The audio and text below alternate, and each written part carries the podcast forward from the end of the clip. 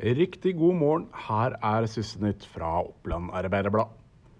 Det var på nyåret som Rigmor Alice Fossmo på Lena fikk regning fra Østre Toten kommune på 120 000 kroner. Årsaken til det høye beløpet skal være høyt vannforbruk.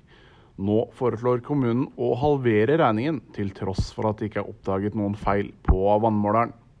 Familien sier nei.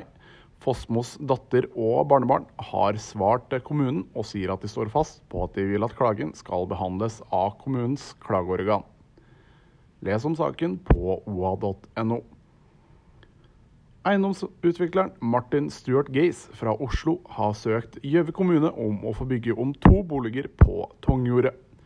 Formålet er å bygge hybelhus for studenter.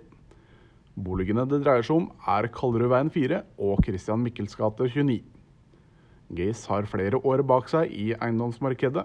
og Nå ser han at NTNU skaper et behov for utleieboliger, og satser derfor i Gjøvik. Les saken i sin helhet på oa.no. Den tidligere Nordre Land rådmannen Jarle Snekkestad har søkt den nyopprettede stillingen som regional utviklingsleder i Gjøvik-regionen. Stillingen og dens beskrivelse er blitt til etter en omorganisering i Gjøvik-regionen Utvikling.